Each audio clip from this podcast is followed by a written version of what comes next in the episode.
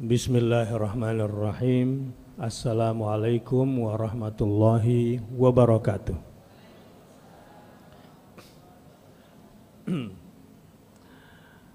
Alhamdulillah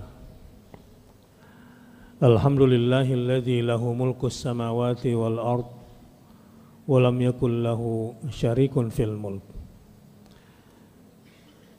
Alhamdulillahi rabbin nasi malikin nasi ilahin nas Malikal mulki tu'til mulka man tasha wa tansiul mulka mimman tasha wa tu'izzu man tasha wa tudhillu man tasha biyadikal khair innaka ala kulli syai'in qadir. Tulijul laila fin nahari wa tulijun nahara fil laili wa tukhrijul hayya minal mayyit wa tukhrijul mayyita minal hayy wa tarzuqu man tasha'u hisab Menyikat waktu, kita langsung baca surah Al-Ma'arij dulu sama-sama sampai selesai. Sama-sama ya. A'udzu billahi.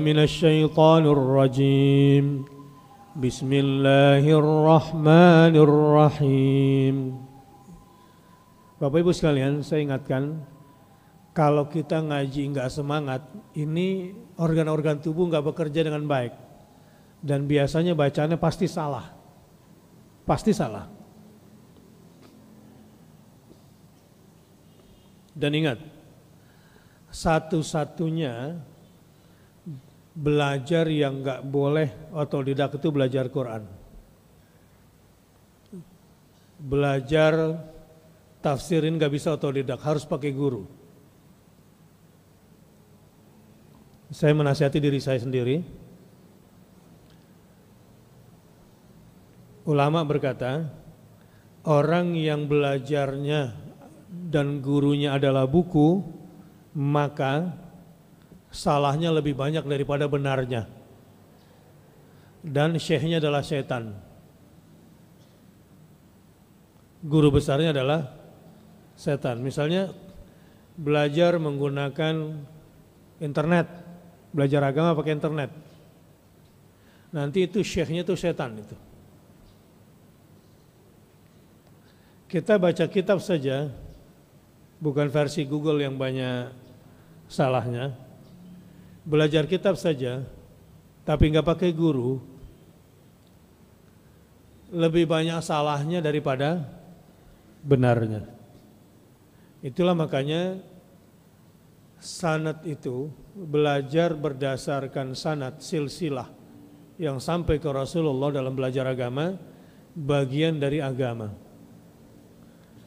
Laulal isnadu eh, al isnad minad din laulal isnadu laqala man syaa ma. Seandainya belajar agama ini nggak pakai silsilah, nggak pakai sanat, maka setiap orang akan berkata suka-suka tentang agama. Ini repot ini dan Indonesia sudah menjadi korban. Begitu juga soal Quran. Ini saya lihat banyak sekali gampang bikin ma'at tahfid. Menjamur di mana-mana. Alhamdulillah itu bagus. Bahkan rumah-rumah banyak ibu-ibu yang mengajarkan anaknya jadi hafiz Quran bagus, tapi kemungkinan besar salahnya lebih banyak karena tidak pakai guru yang benar. Saya bangga dengan maraknya rumah tafid. Saya bangga dengan banyaknya lahir hafiz-hafiz Quran di rumah. Tapi percayalah salahnya lebih banyak ditinjau dari ilmu qiraat. Itulah saya katakan di awal, satu-satunya ilmu yang gak boleh mengandalkan buku, belajar Quran. Mengandalkan kitab, gak bisa tanpa guru. Tidak bisa. Itulah karenanya ilmu kirat itu ada tujuh macam bacaan yang umum sampai ada yang barangkali sepuluh kiraat tetapi semuanya tidak boleh tanpa guru harus pakai guru Dan nggak boleh belajar Quran itu tidak pakai guru. Nah cuma gurunya yang mana? Gurunya yang mana? Apalagi baca Quran ini. Nah saya sendiri, saya sendiri, untuk anak saya sendiri saya nggak berani saya sendiri. Saya cuma pemulanya saja. Untuk lanjutan saya harus kasih guru yang benar buat anak saya. Sebab memperbaiki itu lebih sulit daripada memulai. Nah, bagusnya sekaligus celakanya, bagusnya sekaligus celakanya juga. Ada orang kaya pengen punya lembaga tahfidz. Ya, punya rumah nggak dipakai. Bagus sih pada awalnya. Nah celakanya dia mau bikin sendiri, mau punya sendiri. Padahal itu bukan bidang bidang dia. Nah ini celakanya. Dia akan lelah karena kalau punya lembaga itu harus dibiayai sampai kiamat. Jadi saya ini kalau dapat tanah wakaf, rumah wakaf tuh nggak terlalu bahagia sebetulnya. Karena berarti saya harus membiayai dan lebih mahal daripada nilai tanah dan rumahnya sepanjang wakaf itu. Mending saya jadi wakifnya, eh saya punya tanah tolong dong supaya tanah saya bisa bermanfaat sampai saya kuburan di kuburan nanti. Iya. Terus selama anda di kuburan memang gak ada yang biaya ini. Biaya operasionalnya lebih mahal nggak daripada wakafnya? Mahal mana kira-kira? Hah? Operasionalnya. Katakanlah misalnya saya dikasih tanah wakaf nilainya satu miliar. Di situ ada 100 santri sama gurunya. Makan satu hari 100 ribu. Murah kan? Ini makan doang nih. 100 ribu. 100 ribu kali 100 orang sama dengan 10 juta. Ya. 10 juta satu hari. Kali 360 hari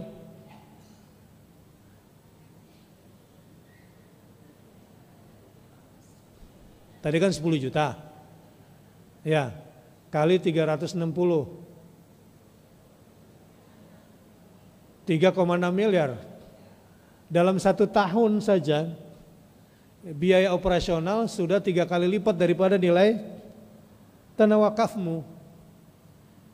Cuma kadang-kadang yang sudah wakaf suka nggak sadar seakan-akan seakan-akan gitu ya. Ini tanah ini tanah saya yang wakafkan gitu sekeluarganya. Jadi kalau datang itu ingin kayak paling mulia gitu kan. Padahal nilai daripada wakaf itu untuk pahala dia nggak ternilai. Dan orang yang ber, berjuang di atas tanah wakaf itu nilainya sudah itu baru satu tahun. Nah dia minta pahala sampai di kuburan itu. Kira-kira berapa nilainya itu? Yang kita biayai buat dia. Ini maaf ya, kan selama ini nggak kehitung itu, nggak tahu dunia ini. Dunia beginian ini ya terpaksa saya bantu hitung-hitungannya. Makanya kalau punya harta, saran saya jangan bernafsu. Nih, punya mahat tafid sendiri. Jangan bernafsu. Kenapa saya katakan bernafsu? Besar biayanya. Dan ilmunya juga. Yang lahir dari sini nih bisa nanti jadi salahnya lebih banyak daripada benarnya. Lalu bagaimana Ustadz? Mending dukung yang sudah ada. Kalau kerjasama, hasilnya lebih bagus ya ke depan. Kadang-kadang pusing, Ustadz saya mau wakaf. Di mana? Di sini dua hektar. Di situ satu hektar, itu artinya minta saya bangunin semua kan? Tolong bangunin masjid, tolong bangunin sekolah, eh biaya pembangunan lebih mahal dari harga tanahnya. Maka bukannya nolak, bukannya nggak suka, tetapi lebih baik kalau kita kerjasama. Dan lagi panjang, ini panjang. Coba misalnya, jadi ibu anak-anak yatim, ini dilahirkan. Ibu sanggup jadi merawat anak yatim dengan semua perkaranya. Meskipun Anda alumni Berkeley University misalnya, Berkeley University, jago akuntansi atau jago ekonomi, belum tentu lu sanggup menanganin panti asuhan. Cuma orang panti asuhan punya kelemahan, nggak mampu membuat laporan keuangan sesuai standar pajak misalnya. Karena masing-masing itu di, dilahirkan. Nah maksud saya, kalau bekerja sama, ya, yang punya skill, yang punya tanah, yang punya dana untuk membangun, yang punya ilmu, ya, bekerja sama ini akan bagus hasilnya. Itu makanya sejak awal nih mohon maaf. Sebetulnya kalau saya mau ada orang yang mau kasih tanah berikut bangunannya, tapi saya dibawa kontrol dia. Gimana ambil apa jangan? dia punya kepentingan visi sebagai orang kaya gitu. Nah, saya nggak bisa terima itu. Mendingan gue nyewa deh. Asal yang di depan adalah ilmu, bukan uang, bukan materi. Ini bukan soal sombong-sombongan supaya lurus. Indonesia ini sudah jadi korban. Ini saya bongkar ya dengan maraknya tahfid-tahfid Quran, sekolah-sekolah Quran, Indonesia sudah jadi korban yang namanya laulal isnadu lakana las, las, apa? laqala man syaa masya. 90% pengajar Quran di Indonesia kalau ditinjau dari ilmu qiraat itu salah. 90% ma'at tafidul Quran itu salah pengajaran. Dan saya belajar dari kesalahan. Jangan mengulangi kesalahan saya maksud saya. Karenanya saya harus bekerja keras untuk negeri ini, untuk umat ini. Dan terakhir kami bikin markas khidmatus sunnah wa yang hari ini lagi daurah mengambil sanad Tadribur Rawi, sebuah kitab yang mempelajari tentang ilmu tentang mustalahul hadis. Tapi berdasarkan sunnah-sunnah yang sampai ke Rasulullah Sallallahu Alaihi Wasallam. Dan celakanya lagi sekarang, banyak yang mengatasnamakan sunnah, ngajarin hadis padahal dia bukan ahli hadis. Tapi seakan-akan dialah yang paling paling nyunnah, paling mengamalkan hadis. Padahal dilihat dari gurunya sendiri sebetulnya bukan bidang itu. Makanya saya berkewajiban. Saya tidak ingin mendamprat peristiwa. Saya berkewajiban untuk melahirkan ulama-ulama hadis, kutubut tis'ah minimal. Dan kemarin mereka kita latih, daftar biayanya 500 ribu untuk enam hari. Makan satu hari berapa tadi? 100 ribu di Mega Mendung itu. Itu udah standar Mega Mendung, kalau ibu-ibu nggak cukup. Ibu-ibu ini sekali makan ini pulang makan siang, ya minimal 550 ribu lah ya. Ya, itu minim lah itu. Ada yang bertiga 300 ribu. Ya, ini satu hari seratus ribu dengan semuanya dengan asramanya, dengan gurunya, dengan tiket mendatangkan syairnya lima ratus ribu sebetulnya angkanya itu minimal tiga kali lipat. Saya harus mencarikan biaya lagi supaya nanti lahir ulama hadis. Bahkan saya bilang kalau ada sepuluh orang di antara kalian yang lulus nanti min wa ilah dari dan sampai akhir kalian menjadi ulama hadis, saya Bakhtiar Nasir ingin jadi bapak kamu, bapak ideologis kamu, yang membiayai kamu. Sampai kamu jadi ulama kutubut tis'ah. Saya akan kirim kamu ke India satu tahun, saya kirim kamu setelah itu ke Mesir satu tahun, setelah itu ke negara mana lagi, lagi supaya uh, hadismu bagus, hafalannya bagus, tidak salah dari berbagai ulama, baru pulang ke Indonesia dan gak usah cari kerjaan yang lain. Enggak usah mimpi menjual diri di perusahaan, jangan. Itu bukan cita-cita kamu. Kamu harus jadi orang mulia. Siap menjadi, saya bilang, siap menjadi pelayan kitab-kitab hadis, siap, angkat tangan, semuanya mau. Tinggal saya ngitung berapa kira-kira. Dari sampai. Usia sekarang sampai usia nanti, mulai dari makan, tiket, biaya hidup di sana, sampai apartemennya. Saya sendiri pulang dari Turki sekarang, itu mengkontrak tiga apartemen di tiga kota di Turki. Karena Turki kan kita jadikan salah satu destinasi pendidikan internasional Muslim di Indonesia. Dan supaya tidak terulang seperti yang lalu-lalu, di asrama saya akan siapkan pembinanya supaya mereka pulang betul-betul menjadi ilmuwan dan tidak terpengaruh dengan sekularisme yang ada kan Turki semi Eropa. Untuk itu saya harus siapkan beasiswa untuk S2 dan S3 karena S2 dan S3 akan menjadi fellow bagi adik-adiknya yang S1 dan SMU di sana. Ini semua dalam rangka merealisasikan peradaban Islam di Indonesia. Dan untuk itu saya harus bekerja sama dengan lembaga Islam terbesar di Turki dan Alhamdulillah kita sudah kontrak di bidang sosial keagamaan, di bidang pendidikan sampai di bidang ekonomi dan bisnis untuk pembiayaan ini semua. Kok jadi ke sini ngobrolnya ya? Nggak apa-apa ya? Nah supaya ini tambah wawasan, maksud saya. Dan kalau belajar dari awal juga mesti sungguh-sungguh. Coba nih, kalau baca Quran begini. A'udzubillahiminasyaitonirrajim. Gimana bacanya? Benar nggak kira-kira? Hah? Hamzanya jelas nggak? Bismillahirrahmanirrahim. Sa'ala sa'ilum yadab laysa lahu dafi' min Allah dzil ma'arij. Ini apaan ini baca Quran ini? Sama kayak Astagfirullah, astagfirullah, astagfirullah. Subhanallah, subhanallah, subhanallah, subhanallah, subhanallah. Dia baca apaan itu? Alhamdulillah, alhamdulillah, alhamdulillah, alhamdulillah, alhamdulillah, alhamdulillah. Apa? Coba dengerin. Ngomong apa dia itu? Hah? Alhamdulillah, alhamdulillah, alhamdulillah, alhamdulillah, alhamdulillah. Allah akbar, Allah akbar, Allah akbar, Allah akbar, Allah akbar, Allah akbar, Allah akbar. Ada nggak kayak begitu di masjid? Ada. Banyak.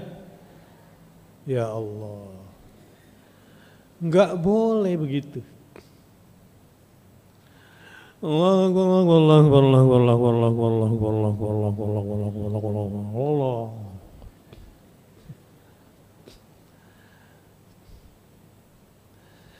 أعوذ بالله من الشيطان الرجيم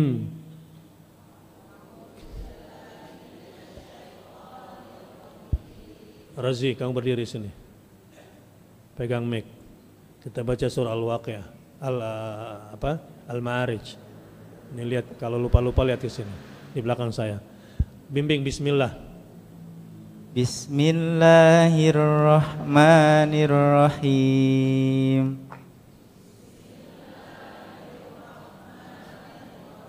Ulangi, gurunya harus semangat sebab kalau gurunya lemes, gurunya juga salah. Gurunya, ya, jadi cari guru yang semangat ya. So kalau gurunya sendiri malas, bacaannya bisa salah. Dia tadi benar cuma kurang semangat. Kalau gurunya 50, muridnya 30. Kalau gurunya 100, muridnya maksimal 70 itu. Jadi mesti ngegas gurunya. Mulai. Bismillahirrahmanirrahim.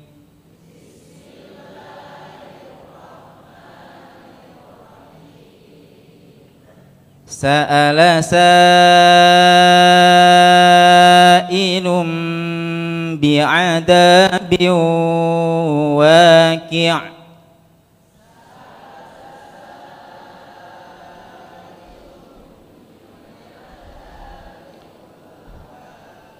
Hamzahnya itu mesti ada tahqiq, mesti tegas. A, I, Sa'a, Sa'ala sa'i. Jangan malas hamzanya jangan separuh. Sa'ala sa'ilum. Oke. Mulai.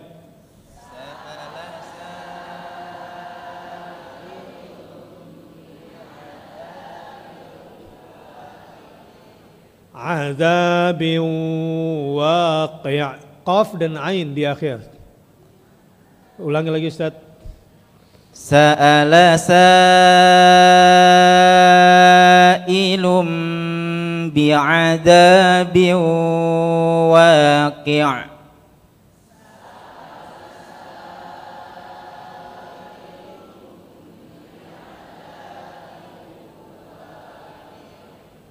للكافرين ليس له دافع.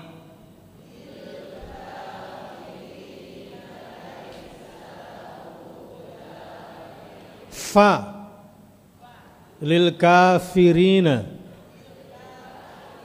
ليس سين. له دافع. ف. عين. Dafi' lanjut.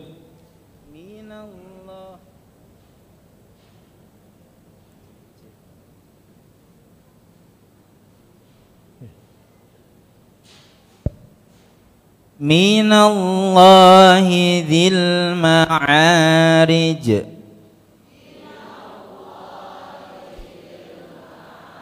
Nah, nah, nah, saya lihat banyak yang salah. Ada yang baca lihat mulut saya ini, ada yang baca begini, ini yang salah minallah. Nggak boleh bergerak bibirnya. Minallah salah. Kayaknya orang bener kan? Fasih banget itu salahnya. Langsung masuk ke lam minal. Pegang bibirnya pegang begini nih, nih dagunya pegang. Dagunya pegang. Minal. Jadi jangan minau, minau. Nah salah itu. Langsung ke lam, bukan ke wau. Ulangi Ustaz. Minallahi dzil ma'arij.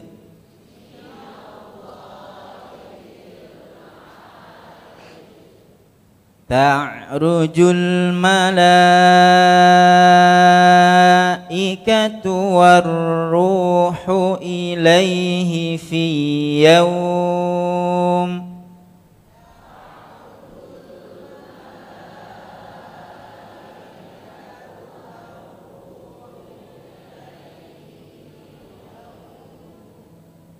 في يوم كان مقداره خمسين ألف سنة.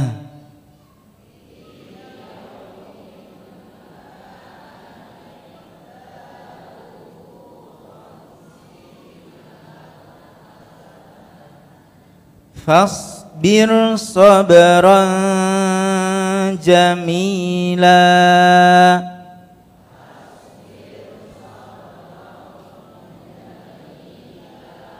Apa beda rok pertama dengan rok yang kedua? Fasbir. Sabra. Apa bedanya?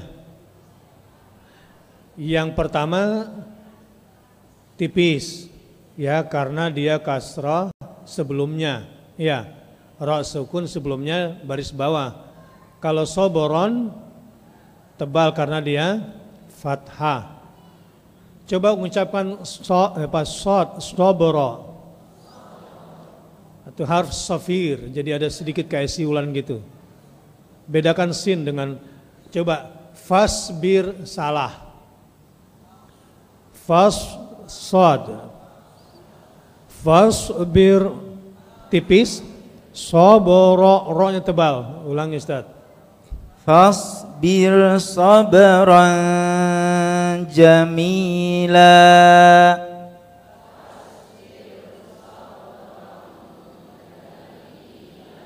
Jadi kalau ada orang namanya Irwan, R-nya tipis atau tebal? Tipis Ir. Nah. Kalau yang pakai ro misalnya Subroto, Ro-nya tebal apa tipis? Tebal Subro. Walaupun itu nggak ada kaitan, cuma memudahkan permisalan. Lanjut. Innahum yarawnahu ba'ida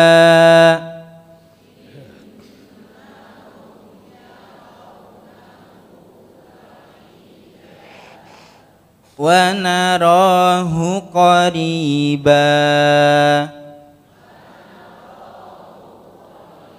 Ro yang pertama tebal, ro yang kedua tipis ulangi Ustaz.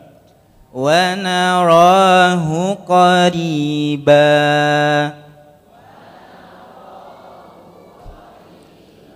Ini teorinya nggak bisa begini, harus dipanggil satu-satu, ditarikin bibirnya satu-satu tuh, dicek. Sama di di apa di raup tenggorokannya sedikit ini. Ra ri. Ya wa ro qari. Ya qari. Oke lanjut. Yauma takunus samaa'u kalmuhl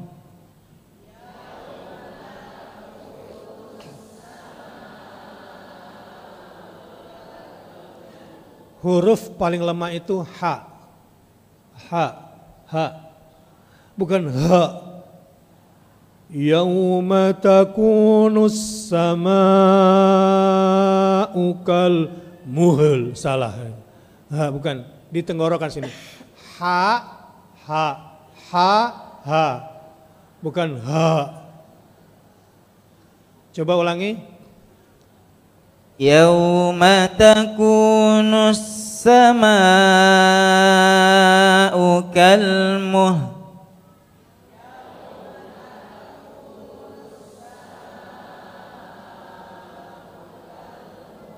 bagus. وتكون الجبال كالعهن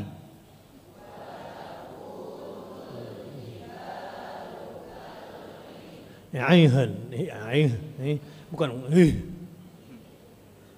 Lanjut. ولا يسأل حميم حميما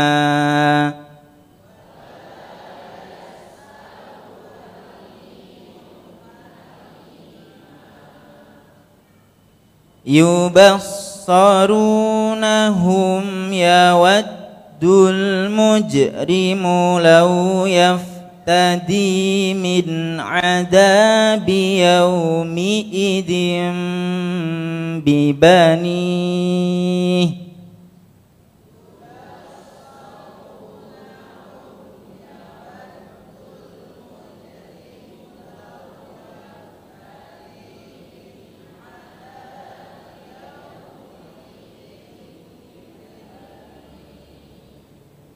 وصاحبته وأخيه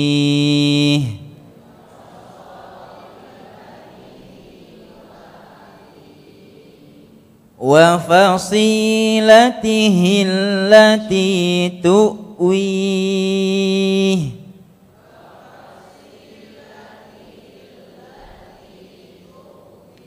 Coba dipertegas shotnya. Beda ya. wa fasi beda. Wa fasi wa fasilatihi lati oh, ulangi ustaz. Wa fasilatihi lati tu'ih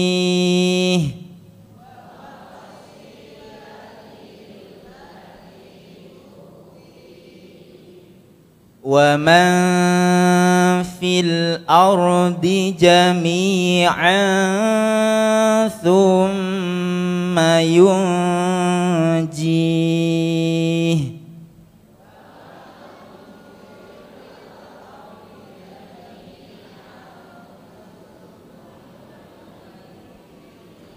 Nah lihat ikhfa di mau fi dan yuji. di sini memang ikhfanya itu masuk ke huruf setelahnya. Tetapi kalau berhadapan dengan kaf dan qaf itu udah kayak ng baca eng. Kalau di sini wa mau wa mau masuk ke fa nanti. Wa mau masuk ke fa. Kemudian yunji mau masuk ke jim. Tetapi kalau nanti kaf dan kof, eng itu nanti suaranya. Ya. Lanjut. Kalla. Kalla innaha ladha.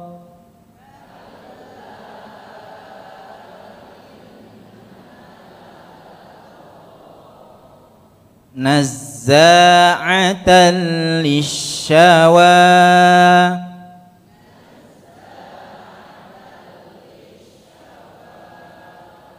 تدعو من أدبر وتولى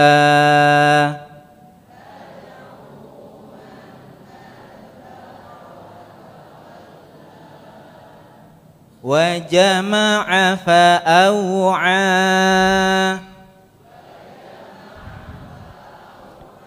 Cukup, terima kasih. Sengaja saya suruh maju ke depan karena dia kader kita guru tafid. Sebab kalau dia juga nggak semangat, nggak ini bisa melahirkan murid-murid yang salah. Nah karenanya semua guru ngaji tidak boleh malas. Ayo kumpul kumpul, anak-anak sini semua ngaji. Nah, Kalau gurunya saja sudah kelemar, kelemer, pelintat, pelintut, kemenyak, kemenyek gitu. Udah, muridnya juga akan kelemar, kelemer. Sebab organ-organ tubuh nih terutama bagian mulut nih sampai tenggorokan itu ajaib kalau kita semangat itu tiba-tiba semuanya siap untuk mengucapkan huruf secara benar. Tapi kalau kita dalam kondisi malas, makanya untuk Quran nggak boleh dalam kondisi capek banget. Waktunya harus dicari waktu yang paling fresh untuk Quran itu. Sebab kemungkinan besarnya salah. Yang kedua, konsentrasi. Konsentrasi. Nggak boleh lagi ada Quran sambil jagain WA gitu. A'udzu billahi rajim. Kalla innaha lawa nazza'atan lisyawa harus fokus itu makanya dipilihkan waktunya pun inna nasyi'atal laili hiya ashaddu wa aqwamu qila jadi harus dalam kondisi yang paling fresh paling struggle dan paling fokus. Kenapa? Kemungkinannya salah. Misalnya nih lagi sholat, sebagian besar nih terutama ibu-ibu ya, yang jarang ngaji secara jahar kemungkinan besar salah sholatnya itu waktu baca Quran. Allahu Akbar. Qul a'udzu birabbil falaq min syarri ma khalaq min syarri ghasikin idza waqab min syarri nafathati fil qad min syarri hasidin idza Kalau enggak ada yang dengar, Cuma dia sendirian aja sama jin sebelahnya.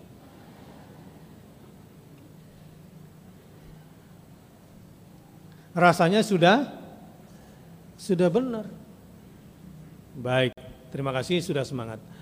Sekarang kita masuk ke tadaburnya. Kita kemarin sudah banyak sedikitnya menyinggung tentang kondisi orang-orang yang mengingkari azab Allah dan meminta didatangkan azab Allah nanti di hari kiamat mulai dari ayat 8 sampai 10 yauma takunu samaa'u kalmul wa takunul jibalu kal'ain wa la yas'alu hamimun hamima. Pada hari itu ketika langit menjadi seperti luluhan perak dan gunung-gunung menjadi seperti bulu yang berterbangan. Nah sekarang coba fokusnya. Wala yas'alu hamimun hamima. Dan tidak ada teman akrab pun yang bertanya meminta tolong dan menolong teman dekatnya wala yas'alu hamimun hamima sampai di sini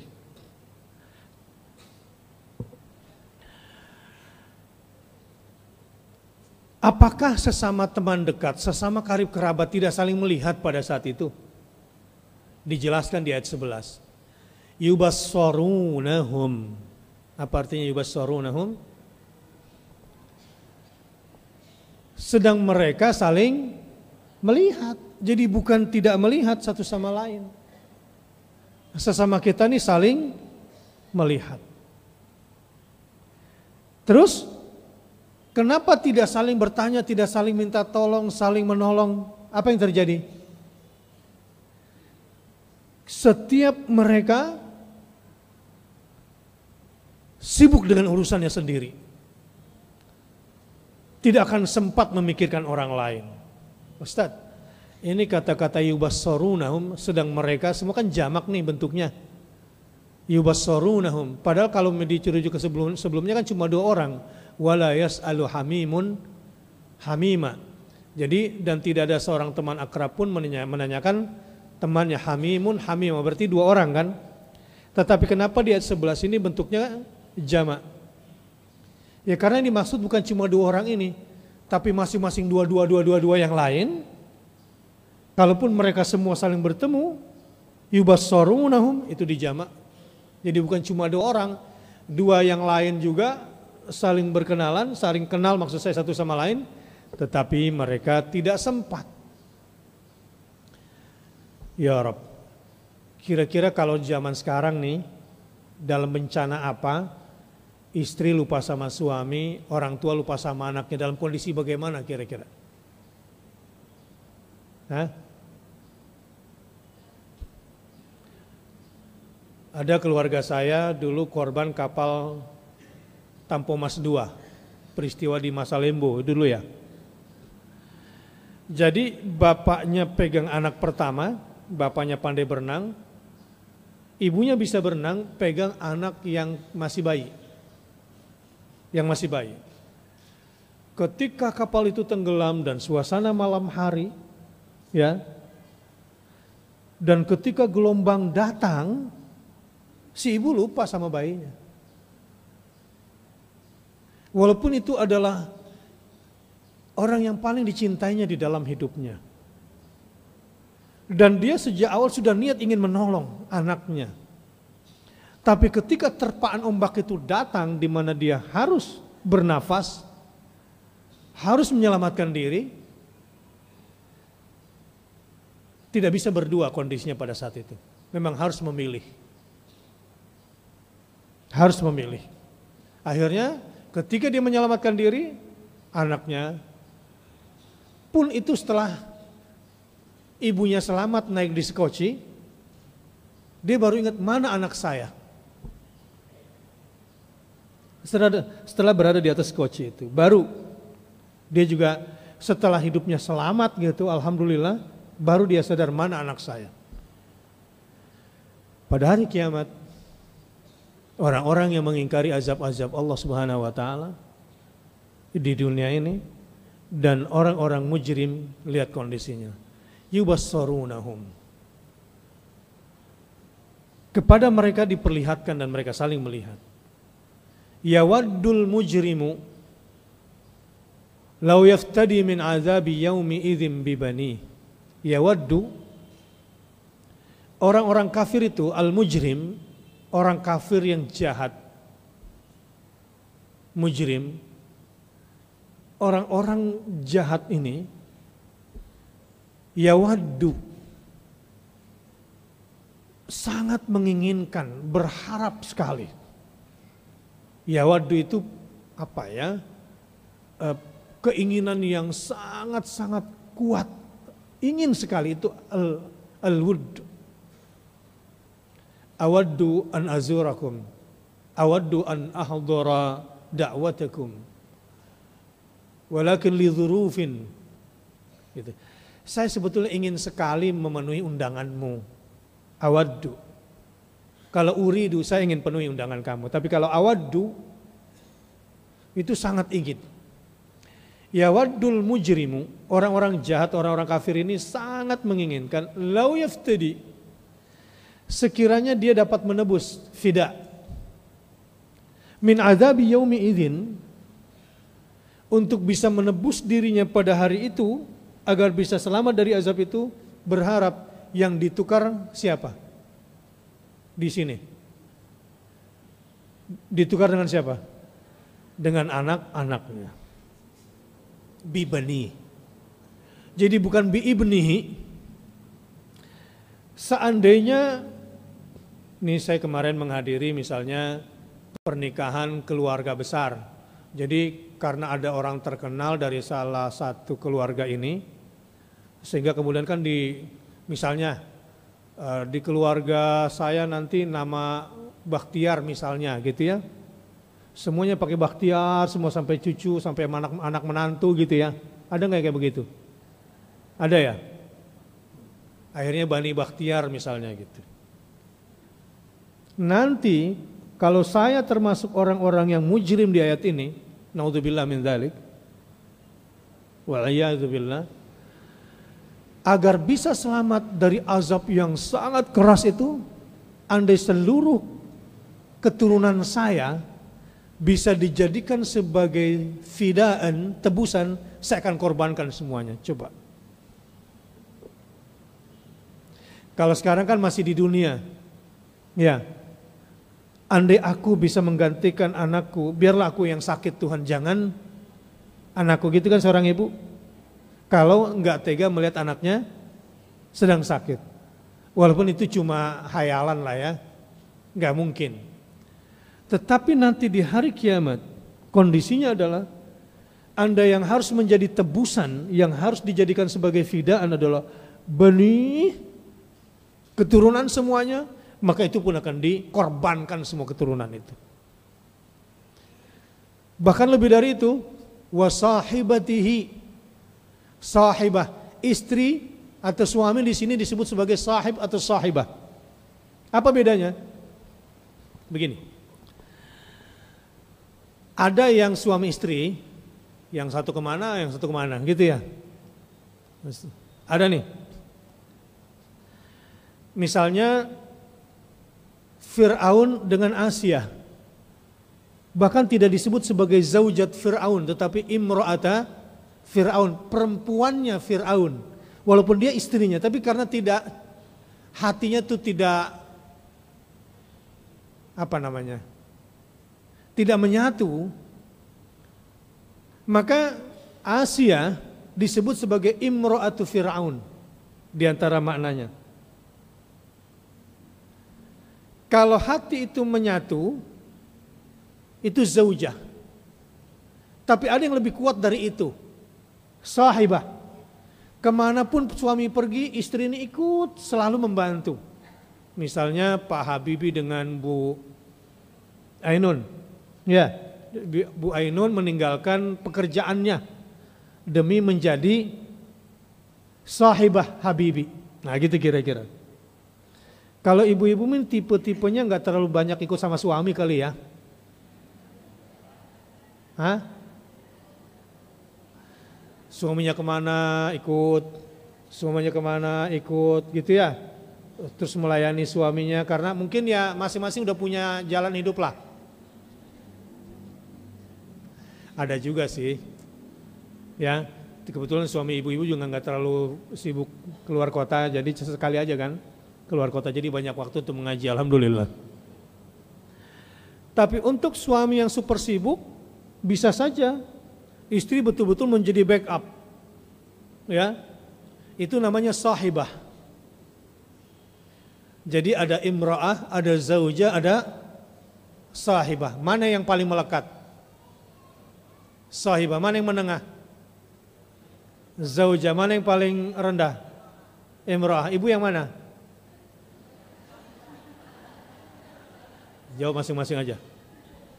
Insya Allah sahibah. Jelas ya bedanya. Imra'ah, zaujah dan sahibah. Wa sahibatihi. Kalaupun yang harus dijadikan sebagai tumbal fidaan korban untuk membayar tebusan, nih sahibah saya. Sahibatihi. Kalaupun harus tambah lagi wa akhihi. Nah, ikhwah, ukhuwah, akhun adalah sahabat dekat. Ya. Ada istilahnya uh, sadiq teman. Ya, sadiq ada lagi. Kalau ini sambil Anda kata-katakan sadiq, sadiqi, hadza sadiqi. Ha, ini teman bisa saja kepercayaan saya. Teman ini. Tetapi yang dimaksud di sini wa akhihi. Memang ada ikatan emosional yang kuat. Abu Bakar As-Siddiq teman Nabi Muhammad yang selalu membenarkan Nabi Muhammad. Tapi posisinya Abu Bakar walaupun melekat pada Muhammad Shallallahu Alaihi Wasallam sebagai orang yang membenarkan selalu ajaran yang dibawa oleh Muhammad SAW di Sadiq tapi sekaligus Siddiq teman dekat dalam kebenaran sekaligus yang membenarkan semua yang dibawa oleh Nabi Muhammad sallallahu alaihi wasallam. Tapi di sini adalah wa akhihi. Betul-betul orang ini seperti saudara. Bisa memang saudara kandungnya atau orang yang memang seperti saudara kandungnya. Kalau bisa dikorbankan saudara terdekat atau teman terdekat ini itu pun dikorbankan ditambah lagi wa fasilatihi. Nah, sekarang lebih renggang lagi nih. Jadi itu tak hierarkinya. Wa fasilati adalah di sini tak wa fasilati dan kaum familinya fasila adalah karib kerabat dari kalangan keluarga yang senantiasa menjadi pendukung dia orang kepercayaan dari kalangan keluarga yang senantiasa mendukung orang ini. Misalnya paman punya bisnis. Orang kepercayaannya adalah ada kemenakannya, bukan dari anaknya misalnya. Atau anaknya sudah menjadi komisaris juga tetapi orang kepercayaan dari keluarga ini yang sangat loyal sama keluarga ini adalah misalnya kemenakannya dan keluarga-keluarga yang lainnya ada yang sangat-sangat loyal. Saya melihat seperti itu. Nah, ini pun kalau bisa dikorbankan, dikorbankan. Karena di sini fasilatihi allati tu'wi dan kaum familinya yang melindunginya di dunia. Jadi selalu menjadi pendukung utamanya. Pembela utamanya. Nah, ada lagi yang kemudian lebih jauh lagi wa man fil ardi jami'an kalau perlu yang harus dijadikan sebagai tumbal, sebagai korban untuk tebusan, semua orang di dunia inilah. Coba sambil diperhatikan nanti ya. Kenapa mulainya dari banihi, sahibatihi, akhihi, wa fasilatil lati tu'wihi sampai wa man fil ardi jami'an. Lima. Kalau perlu semua yang di bumi, ya manusianya, ya binatangnya, ya jinnya kalau perlu. Waman fil ardi jami'an. Andai semua bisa dijadikan tebusan, ditebus, jadikan tebusan buat dia. Kira-kira maknanya apa ya? Semua rela dia korbankan pertama orang paling dekatnya siapa? Anak keturunannya. Kedua, pasangan yang melekatnya. Yang ketiga, saudara kandungnya yang paling dekat dengan dia. Yang ketiga, keempat, keluarga besar yang menjadi pendukungnya. Yang kelima, semua berguna nggak semua itu? Enggak. Semua ini berguna bagi tebusan. Saya mau nanya, kita kerja, nih bapak-bapak, untuk siapa? Untuk anak, ya. Terus untuk siapa lagi? Untuk istri. Ya. Setelah untuk istri manfaat kita buat siapa lagi? Saudara-saudara kandung kita. Ya. Kemudian siapa lagi? Keluarga-keluarga yang loyal sama kita. Ya. Terus pada siapa lagi? Ya untuk kemanusiaan. Ini semua nggak ada gunanya. Jadi hati-hati hati-hati dalam menjalani hidup. Semua yang kita korbankan dari kita untuk mereka sampai menjadi koruptor, sampai kemudian korban jadi dimasuk penjara, kan tadinya diberkorban untuk pertama agar anaknya bisa sekolah di luar negeri, misalnya kuliahnya di Timor Leste. kan luar negeri. Papua New Guinea. Kalau perlu sampai ke Ethiopia. Maka kerja keras dong orang tua untuk membiayai anak. Ya. Apa pun akan dilakukannya. Misalnya orang tua tunggal, ibu yang menjanda. Apa pun dia lakukan demi anaknya, betul nggak bu? Kalaupun ada orang yang hendak melamar dia, dia pertimbangkan, lu bisa nggak kawin sama ah, kawin sama anak saya? Kawin sama saya tapi menerima? Enggak bisa ya sudah, goodbye. Sadaqallahul azim. Demi siapa? Anak kan gitu. Jadi hidup kita ini betul-betul kita habiskan, kita korbankan untuk anak, untuk pasangan. Ya, kalau suami kan untuk istri. Mah, papa nih begini untuk siapa mah? Gitu kan biasanya gitu ya? Untuk siapa pak? Ini pulang nih, Terus istri marah-marah, papa udah capek, bilang apa biasanya? Kenapa sih papa pulang malam-malam? Jawabnya apa? Papa ini kerja sibuk. Mama tahu? Untuk siapa mam, papa bekerja? Untuk mamah-mamah. Mama. Udah berapa tuh disebut tadi? Mamanya banyak. Makanya pulang malam. Jadi kita ini kerja buat siapa Pak? Anak dan istri. Ini tanpa sengaja bapak-bapak ngomong kayak begitu tuh sebetulnya sesuai nih. Quran udah nebak psikologisnya. Lu, lu orang nih pada kerja buat siapa? Buat anak istri, peras keringat. Ya, siapa yang pernah meras keringat? Kuli sono. Saking bahasanya diginin gitu kan. Banting tulang. Siapa banting tulang? Itu yang gulat barangkali ya. Kerja kelas kepala jadi kaki, kaki jadi kepala gitu ya. Ini kerjaan siapa kayak begitu? Sirkus. Untuk siapa? Untuk anak. Tapi akhirnya nanti bisa nggak ini semua jadi tebusan di akhirat dari dosa-dosa? Tidak. Maka hati-hati. Jadikan anak dan istrimu sebagai sarana untuk beribadah kepada Allah Subhanahu wa taala dan jangan halalkan segala cara demi mereka. Jangan. Jangan halalkan segala cara demi mereka. Mereka tidak akan bisa menyelamatkan. Bukan cuma itu selanjutnya.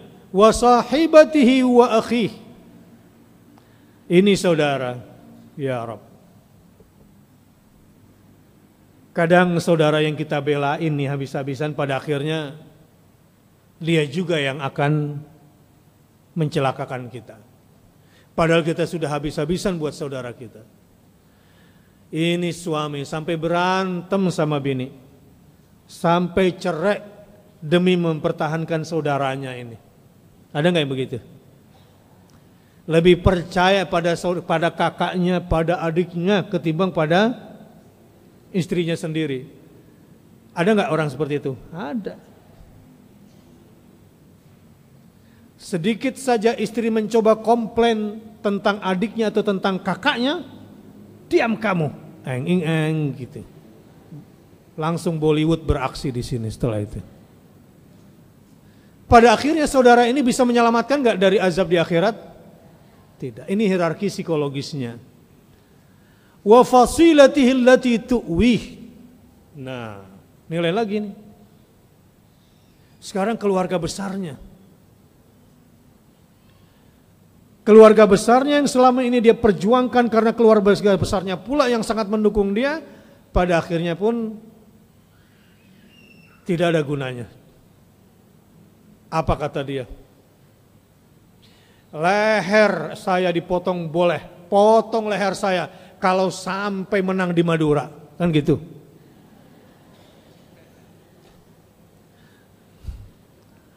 Orang Madura ngamuk gitu. Ya kita tunggu aja nanti. Orang Madura pada ngasa golok nih sekarang. Karena ngomong suka-suka.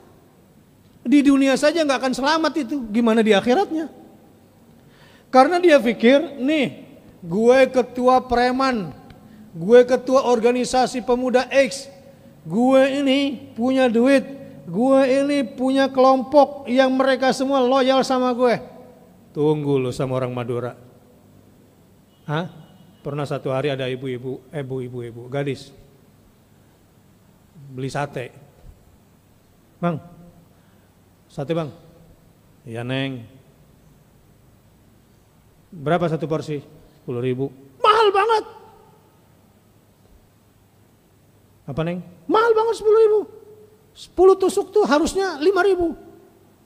Ya neng ini udah yang paling murah, ini juga enak bakarannya dan potongannya gede-gede. Mahal. Ternyata tukang satenya orang Madura. Ya udah nggak apa-apa lah. Ambillah sate itu, diambil daging. Buk, buk, buk, buk, buk, buk, buk, buk, sampai si gadis yang uh, uh, duduk, ketakutan.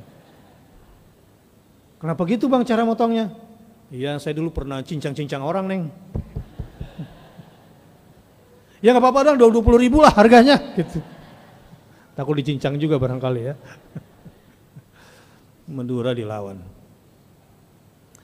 Apalagi di akhirat. Nggak akan selamat. Siapa pendukungmu? Jenderal. Apalagi jenderal, sebentar doang ganti presiden selesai. Satu-satu jatuh bintangnya semua tuh. Ya, jabatan tinggi sekarang selesai. Jabatan lama nggak? Hah? Sekarang lu bisa mainin peraturan ya, kena pasar berlapis, lapis legit, lapis apa lagi. Main penjarakan bisa, nanti tunggu nggak lama lagi. Jabatan itu sebentar, rapuh. Apalagi di di akhirat. Waman fil ardi jami'an. Kamu pun punya penolong, punya backing seluruh dunia, kamu punya pasukan burung, kamu punya pasukan gajah, silahkan. Tapi di akhirat semua itu tidak akan ada gunanya di hadapan Allah Subhanahu wa taala. Itulah kondisi mereka. Jadi sampai di sini kelihatan banget ya secara hierarkis Allah semacam apa ya memberitahukan kepada kita tentang eh, kondisi psikologis. Bagaimana kehidupan kita digambarkan di sini keberpihakan kita, perjuangan kita, pengorbanan kita pada akhirnya ketika semua ya ketika semua bertentangan dengan Allah maka tunggu tanggal mainnya. Kalau dalam konteks sekarang gimana Ustadz kira-kira? Dalam konteks sekarang hati-hati milih caleg. Catat nih baik-baik. Um, urusan sama caleg gimana Ustaz? Ini politik, terserah mau politik, kelitik, maslitik, bulitik, apalagi omlitik. Hati-hati milih caleg. Ya. A'udzu billahi minasyaitonir rajim. Bismillahirrahmanirrahim. Lihat kalimatun sawa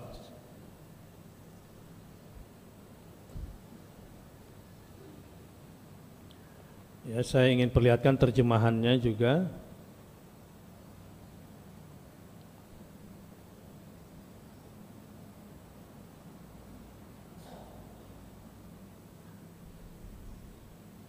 Di surah Al-Imran kita lihat Qul ya ahlal kitab ta'alau ila kalimatin sawa'in bainana wa bainakum Katakanlah hai ahlul kitab, ini konsep toleransi di dalam Islam. Bagaimana membangun kebinekaan di dalam Islam di tengah perbedaan agama. Lihat ya. Wahai ahlul kitab Yahudi dan Nasrani, mari yuk kita berpegang kepada satu kalimat atau ketetapan yang tidak ada perselisihan antara kami dan kamu. Jadi kita sudah punya satu pegangan yang kita tidak akan berselisih selamanya. Ini prinsip toleransi di dalam Islam. Ya, selama kita bertoleransi berpegang pada prinsip ini, insya Allah negara yang bineka tunggal ika ini bisa kita jalankan dan insya Allah tetap bisa ke depan. Cuma sekarang ada yang mau mengganti ini. Ada yang mau mengganti ini, mengganti ideologi ketuhanan yang Maha Esa dengan ketuhanan kodok atau ketuhanan apa gitu.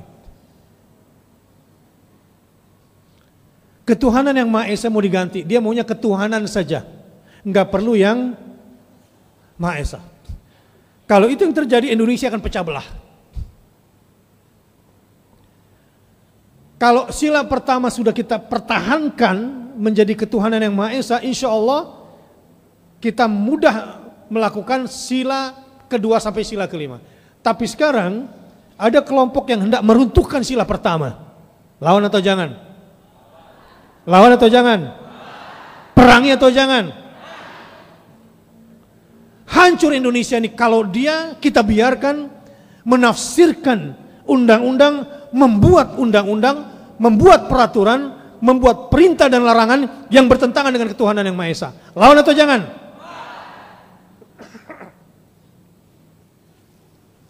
Apa itu? Hai alul kitab, marilah berpegang kepada satu kalimat atau ketetapan yang tidak ada perselisihan antara kami dan kamu. Apa itu? Satu, alla na'budu illallah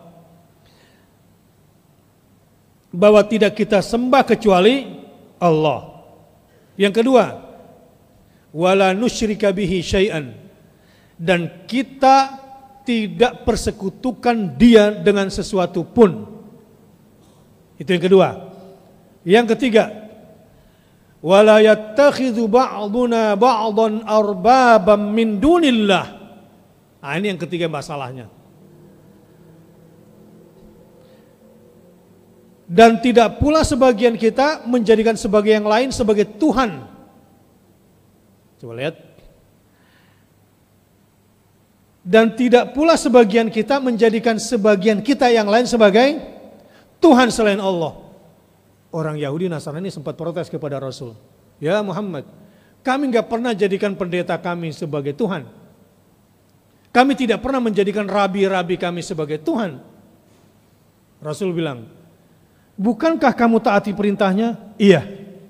Bukankah kamu, jala, kamu jauhi larangannya? Iya.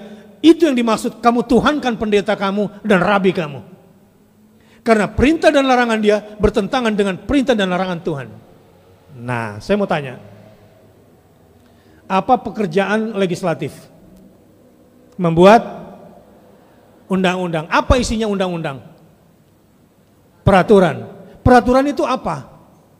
Perintah dan larangan, betul nggak? Jadi siapa yang membuat perintah dan larangan di Indonesia? Hah? Kita harus taati atau tidak? Kalau nggak taat apa resikonya? Aturan pajak kamu tidak taat, apa jadinya sama kamu? Jadi memilih caleg itu bisa berimplikasi menjadikan sebagian kamu sebagai Tuhan bagi yang lain. Makanya saya suka bercanda. Itu hakim-hakim MK yang sembilan itu separuh Tuhan di Indonesia ini. Kalau hakim-hakim MK yang sembilan itu salah kita pilih, maka kita telah musyrik. Karena kita telah menjadikan sebagian kita sebagai Tuhan yang perintah dan larangannya harus kita takut taati padahal bertentangan dengan perintah dan larangan Allah. Jelas. Terus kaitannya dengan yang kita pelajari hari ini? Apa Ustaz? Nah, Kaitannya adalah bahwa untuk membawa Indonesia menjadi baldatun thayyibatun wa rabbun ghafur. Negeri yang baik, yang subur, yang sejahtera ini akan sempurna kalau mendapatkan selalu ampunan dari Allah Subhanahu wa taala penduduk-penduduknya dan pemimpin-pemimpinnya. Dan negeri ini akan senantiasa dalam kefakirannya. Senant, kalau senantiasa bermaksiat kepada Allah dan melakukan dosa-dosa terutama dalam kepemimpinan, terutama dalam penyelenggaraan penyelenggaraan negara yang terkait dengan perintah dan larangan itu. Sekarang kan banyak nih loyalis-loyalis masing-masing kan? Ada lagi yang bikin foto sudah terbukti dan terpercaya. Iya, kayak kecap.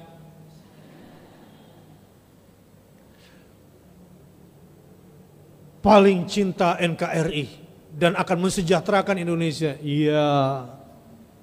Memang bahasa iklan harus kayak begitu. Harus begitu bahasa iklannya. Jadi ya dibilang salah juga enggak, dibilang enggak juga salah. Tetapi, tetapi di sini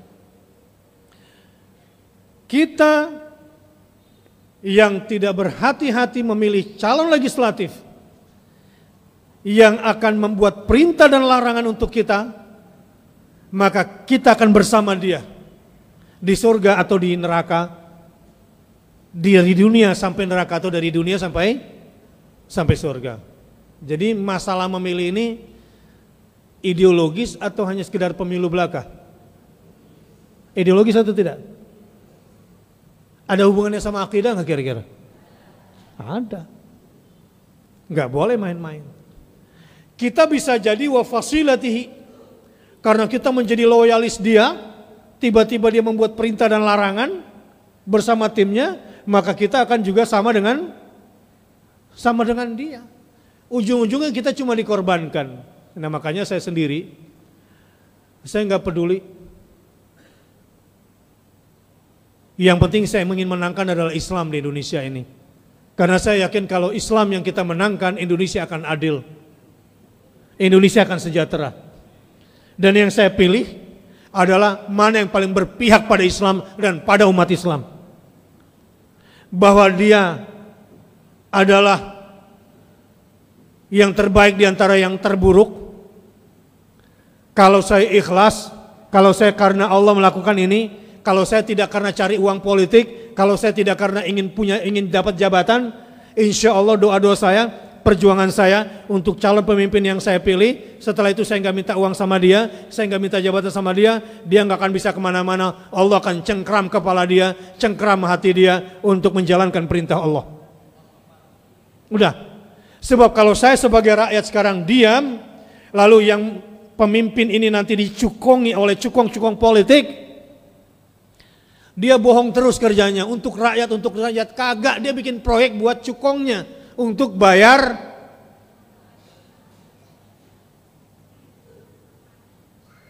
ya untuk bayar utang. Semua atas nama negara bagus-bagus kemasannya untuk negeri, untuk rakyat. Pala lu bomenyan. Masih bagus menyan. Kebohongan selalu yang akan dibuatnya. Padahal ada bisnis di situ, ada kelompok di situ. Ada kepentingan ideologi di balik itu semua. Nah karenanya, jamaah rahimakumullah, kita sedang rame-rame dalam situasi seperti ini, maka perbanyak baca la ilaha illallah wahdahu la syarika lah lahul mulku wa lahul hamdu wa huwa ala kulli syai'in qadir Baik, sampai di sini saya ingin buka pertanyaan.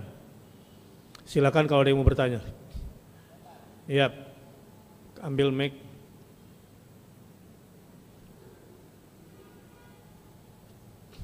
Ini buat ibu-ibu. Ya. Silakan. Bismillahirrahmanirrahim. Assalamualaikum warahmatullahi wabarakatuh. Saya mau nanya Tat, apakah kemarin doa Neno Warisman itu pas buat Indonesia Tat? Wah. yang kalau dia tidak menang nggak bakalan ada yang menyembah lagi karena ini jadi kontroversi ya. Itu aja cukup. Secara doa itu pernah dibaca oleh Nabi. Ya. Nabi pernah membaca doa itu dan beberapa nabi yang lain. Tapi yang saya tahu memang ini levelnya level nabi nih. Ya. Karena nabi melihat katakanlah misalnya kasus Nabi Isa alaihissalam. Ini nih kalau Allah tidak turunkan menu dari langit ini bisa kafir semua nih. Orang-orang Nasrani pada masa itu. Bermohonlah Nabi Isa, tapi dengan resiko kalau sudah kuturunkan al-ma'idah minas sama takunu lana aidan li awwalina wa akhirina. Tapi mereka tetap kufur maka azabnya bisa dua kali lipat.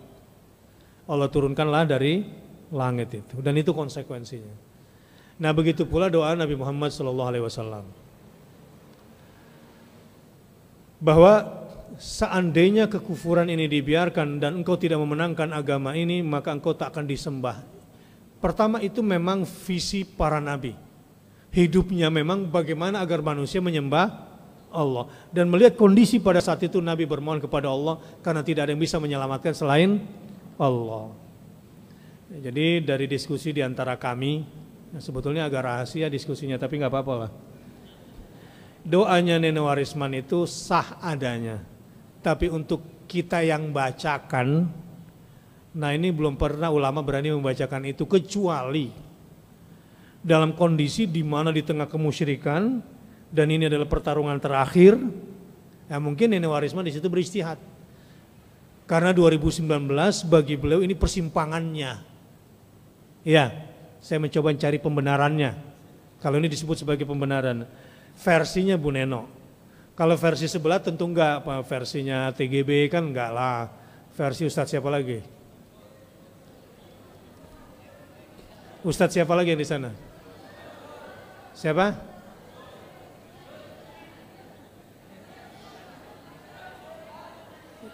Yusuf Mansur. Bener emang? Hah? Udah tabayun belum? Jangan-jangan cuma dari medsos? Hah? Nanya dulu sama orangnya, jangan nuduh-nuduh. Perasaan dia mau netral deh.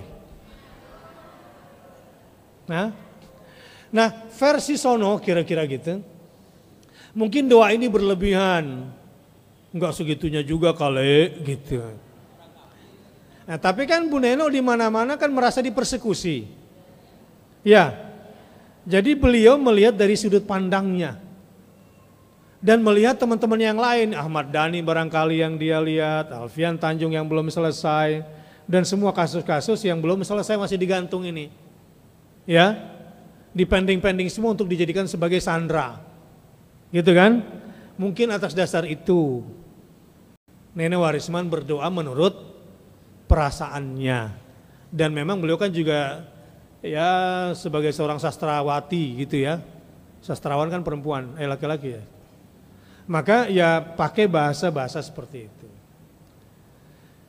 Jelas? Apa yang sudah jelas?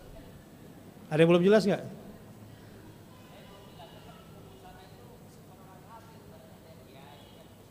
Nah, ya, ya, ya, coba ngomong-ngomong. ngomong. Kan kubu sana masih ada kiai, masih ada ustadz juga gitu ya. Iya memang selama ini belum ada ustadz yang berdoa atau ulama yang berdoa seperti itu. Itu tadi makanya mungkin karena perasaan. Ya, ibu-ibu juga kan kalau lagi sakit, wah itu doanya kenceng banget kayaknya suami itu, waduh. Uh, Ustaz, dia itu. Biasalah ibu-ibu. Kamu tahu nggak ibu-ibu? Ibu-ibu tuh suka mengingat-ingat orang yang menyakitinya. Tapi dia lupa bahwa dia juga sering nyakiti orang lain. Saya salah satu korbannya sebetulnya. Tapi itulah yang namanya perasaan neno gitu ya. Ya, jadi ya untuk konteks Reno saya kira ya mungkin saya coba tebak-tebak ya dengan kondisinya. Mobilnya di dibakar gitu kan di sana sini diancam ditahan. Ya kalau anda seperti dia barangkali juga ya kayaknya pengen jihad aja kan gitu. Ya enggak? Nah itulah suasananya. Ya dimaklumilah. Ada lagi yang lain? Ya. Ibu-ibu ada? Ya silakan ibu-ibu lagi satu. Assalamualaikum. Waalaikumsalam mau warahmatullahi wabarakatuh. yang mau saya tanyakan, ini kan di surat Al-Ma'arij sat- eh, 11 sampai 18 itu menerangkan bahwa eh, keluarga dan urutannya seperti yang tadi itu tidak bisa menyelamatkan. Iya. Kalau dihubungkan dengan hadis yang bilang bahwa kayak teman itu bisa menyelamatkan itu gimana ya? Kalau temannya soleh. Oh, Kali ini konteksnya uh-uh. bukan dalam konteks kesalehan. oh gitu. Jadi orang kafir yang merasa jumawa, Ya, ya punya anak, punya pasangan, punya keluarga besar, ya punya teman dekat, orang bahkan sedunia gitu bisa dia kendalikan. ya. Akhirnya nggak ada gunanya dijadikan sebagai tebusan nanti di hadapan Allah Subhanahu Wa Taala. Itu sebetulnya di dunia juga nggak berlaku. Oh, Ya, misalnya dulu kan jangankan dunia tingkat DKI saja. Tidak akan mungkin ada yang bisa mengalahkan dia kan gitu. Surveinya tertinggi, partainya yang besar-besar, uangnya tidak berseri. Betul kan? Jenderalnya di belakang dia semua. Ada nggak kayak gitu? Menang atau kalah? Bahkan ngancam, ya nggak usah tinggi-tinggi program lo, bisa nggak nutup Alex? Eh, bisa nggak tutup tuh hotel? Karena hotel itu mungkin kontribusinya untuk pajak banyak ya. Di belakangnya itu mungkin cacing-cacing 9, 10, 11. Ya, kemudian uangnya banyak, premannya banyak, sehingga diancam. Lo bisa tutup hotel itu aja, bagus. Selesai nggak? Pakai berisik nggak? Enggak. Jadi nahi mungkar dengan kekuasaan itu cuma tanda tangan strik. Kalau kita demo belum tentu tuh. Ditutup betul nggak? Tapi dengan udah lu gak sebanyak ngomong ini melanggar peraturan selesai. Diem. Ya. Bahkan jenderalnya bilang reklamasi itu sudah selesai izinnya. Weh weh weh weh weh weh weh weh. Mekarta itu sudah selesai. Siapa yang berani?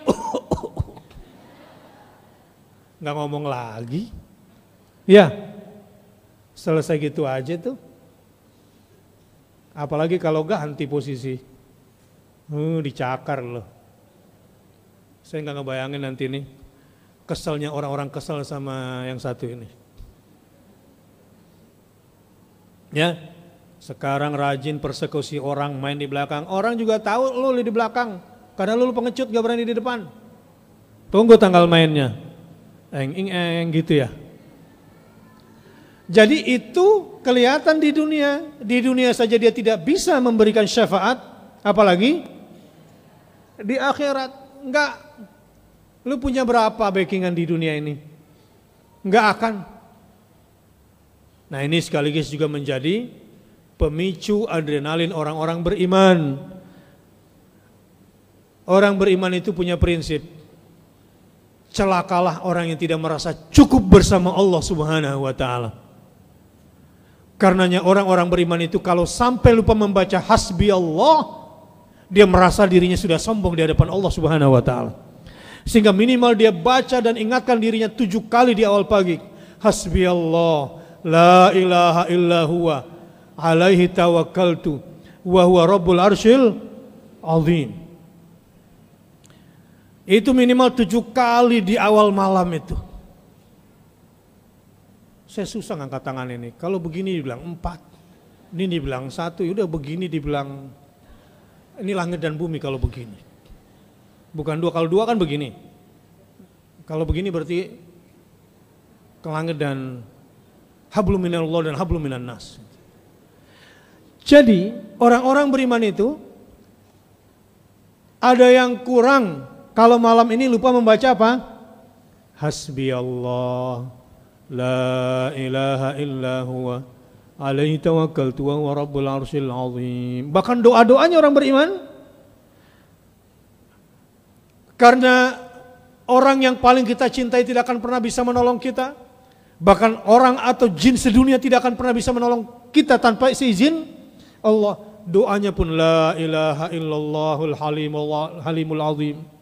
La ilaha illallah rabbul arsyil azim. La ilaha illallah rabbus samawati wa rabbul ardi wa rabbul arsyil karim. Doanya pun sebelum dia meminta diagungkan Allah Subhanahu wa taala. Agar hanya berharap kepada Allah, agar hanya bersandar kepada Allah, agar puncak cintanya hanya kepada Allah Subhanahu wa taala.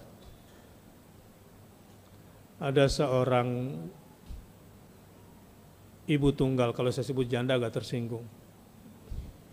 Dilamar oleh pemuda ganteng, kaya raya, setia, tapi nggak sholat. Terima jangan? Gak percaya gue. Kaya raya, ganteng, baik, setia, tapi nggak sholat. Terima jangan? KTP-nya Islam, Jumatan kadang-kadang, terima apa jangan? Siap didakwahi oleh istri, pokoknya menikah aja dulu. Nikah jangan? Mulai ragu.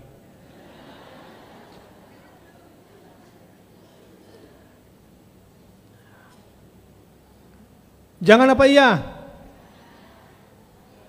Ini yang ngomong nenek-nenek deh kayaknya. Coba yang masih bersuami gak usah ngomong dulu. Ini saya lagi ngomongin yang sendiri. Iya apa iya? Hah? Tapi alhamdulillah dia bilang Ustadz, apa gunanya semua dunia yang dia miliki itu kalau saya kehilangan kasih sayang Allah Subhanahu wa taala. Masya Allah soleha banget kayak begini. Iya, dia berani kehilangan apa saja asal jangan kehilangan Allah.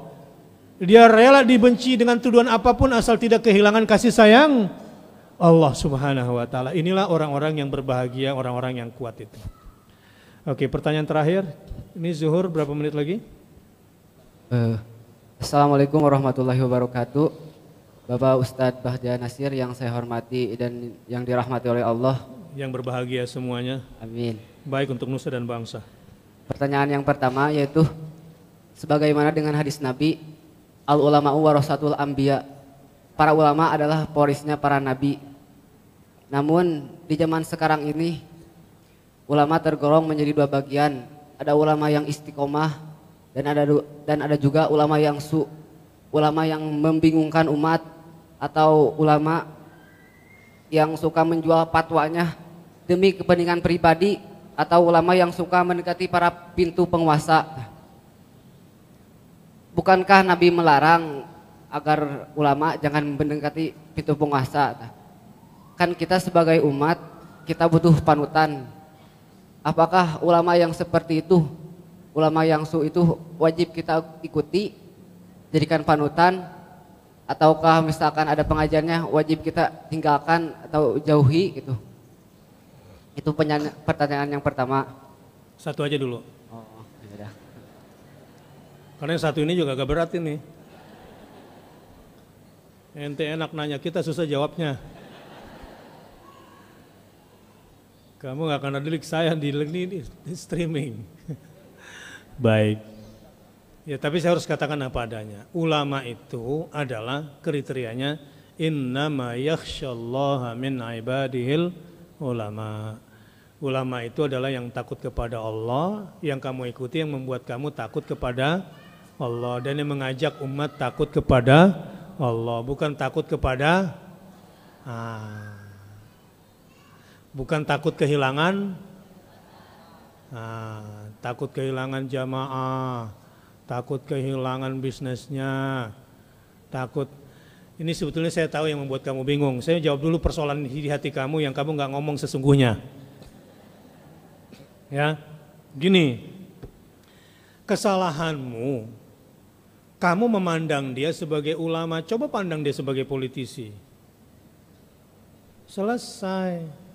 Kamunya sih maksain, dia kan ulama. Enggak, dia lagi jadi pandang aja sebagai politisi. Oh, dia kan ustadz, masa ustadz kayak begitu? Enggak, dia lagi jadi pedagang. Jelas. Kalau kamu pandang dia sebagai pedagang ya wajar lah. Orang bisnis itu harus dua kaki, kalau perlu cap kaki tiga. Orang bisnis harus begitu. Jadi yang membuat kamu susah karena kamu maksain dia kan ustadz. Enggak, dia lagi jadi pedagang udah. Kalau mandangnya begitu selesai. Nanti kalau pas dia lagi lagi kita juga kadang-kadang kan jadi mumin, kadang-kadang nggak mumin kan. Saya mau nanya, waktu kita lagi maksiat mukmin atau bukan? Bukan. Ya. Ustadz, kenapa saya nggak berjilbab? Karena banyak orang berjilbab tuh begini, begini, begini, begini. Banyak ada kayak gitu.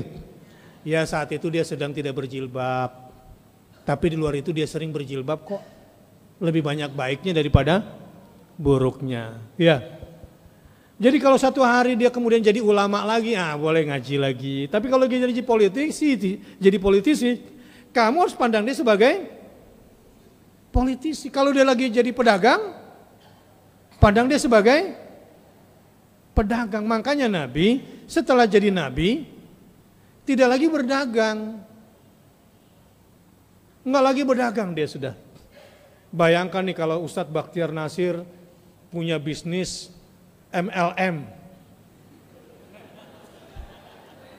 Ya. Banyak loh yang nawarin saya. Ustadz pokoknya Ustadz duduk manis aja. Nanti saya berdiri samping Ustadz, saya jualin produk atas nama Ustadz.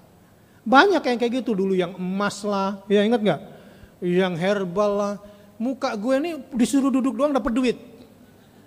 Pokoknya Ustadz berapa kita kontraknya begitu. Tapi saya pikir pantas gak saya begitu? Nah, pantas nggak? Enggak kan? Masa saya bersaing sama ibu-ibu yang di sini nanti jualan-jualan? Kalaupun ada yang pakai foto-foto gue, buku apa semua, ya udahlah, itu urusan lu pada. Minta endorse, endorse lah gitu. Terutama yang lemah-lemah, yang pemula-pemula itu. Jadi ulama sekarang ini betul kamu bilang ada istiqomah, ada yang su, tapi saya susah membedakannya kalau yang itu. Yang jelas empat, eh tiga. Ada ulama yang tukang bener-benerin penguasa itu namanya ulama uddaulah. Ulama mengklasifikasikan ulama, ya. Ulama mengklasifikasikan ulama menjadi tiga. Ada ulama yang tugasnya kerjaannya bener-benerin penguasa terus, ya dan ini bisa dua, bisa dari awal memang begitu kerjaannya, atau tiba-tiba di tengah jalan pindah ke sana bener-benerin dia terus. Dulunya berseberangan tapi tiba-tiba membenarkan. Pokoknya semua yang dari penguasa benar. Ulama kedua, ulama ummah. Apa maunya umat, walau kadang-kadang itu merusak, diikuti. Pokoknya apa maunya umat. Yang harus kita ikuti bukan yang dua ini. Ulama ul millah ulama yang urusannya adalah memenangkan agamanya, mensucikan agamanya, memperjuangkan agamanya. Walau tidak disukai, tidak disukai penguasa, walau dibenci oleh umat terserah. Karena umat dan penguasa yang harus ikut ulama itu ikuti. Jelas. Sebab kalau umat ini diikutin semua, Ustadz, komando. Komando apa? Perang Ustadz, siap perang. Walaupun saya pikir nih kalau ada perang benar kayaknya nggak berani deh. Ini kan karakter Bani Israel panik kayak gini. Iya itu kelihatan waktu di lapangan. Jangankan nyawa, harta aja kagak berani. Nah jadi yang kamu ikuti ulama yang bagaimana? Bukan ulama uddaulah, bukan pula ulama ul ummah, tapi ulama ul millah yang dia perjuangkan, yang dia ajarkan adalah agamanya dan untuk kepentingan agamanya dan mengajak manusia kepada agamanya, kepada Allah Subhanahu wa taala. Resikonya yang kayak dia, kadang dibenci umat, kadang ditindas oleh penguasa. Memang itu resiko menjadi ulama. Udahlah, udah jelas bedanya ya. Iya. Terima kasih karena sudah mau masuk sholat zuhur, harus ada kesempatan beres-beres dan berwudu. Rabbik fir wa tub alayya innaka antat tawwabul ghafur. Subhanakallahumma wa bihamdika asyhadu an la ilaha illa anta astaghfiruka wa atubu ilaik. Wassalamualaikum warahmatullahi wabarakatuh.